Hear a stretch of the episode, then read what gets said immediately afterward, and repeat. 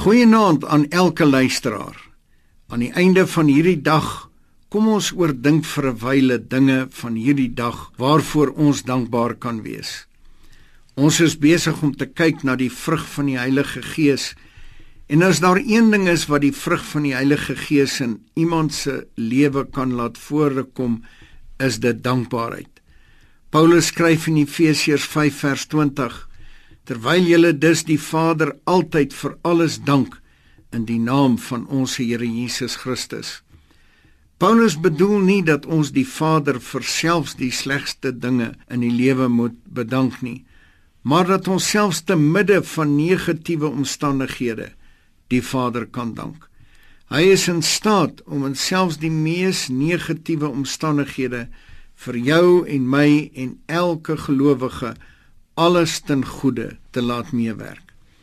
Paulus skryf dan ook aan die Tessalonisense in hoofstuk 5 vers 18: Wees in alles dankbaar, want dit is die wil van God in Christus oor julle.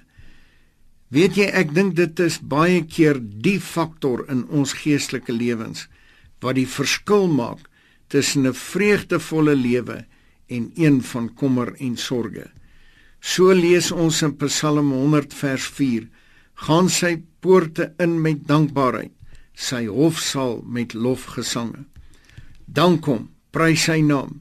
Die oomblik wanneer ons dankie sê vir iets, word God in Christus Jesus onmiddellik verheerlik en vul dit ons met vreugde wat naas die liefde genoem word as 'n vrug van die Heilige Gees.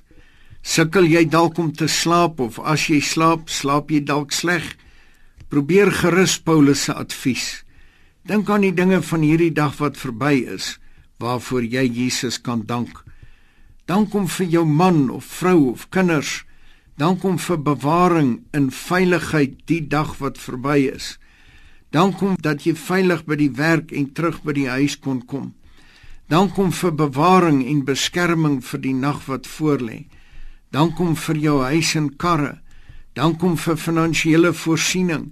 Dank hom vir gesondheid en meeste van alles, dank hom dat jy sy kind kan wees. Kom ons bid saam. Dierbare Here Jesus, ons kom nou met dankbare harte na U toe. Ons sê vir U baie dankie vir hierdie dag wat verby is.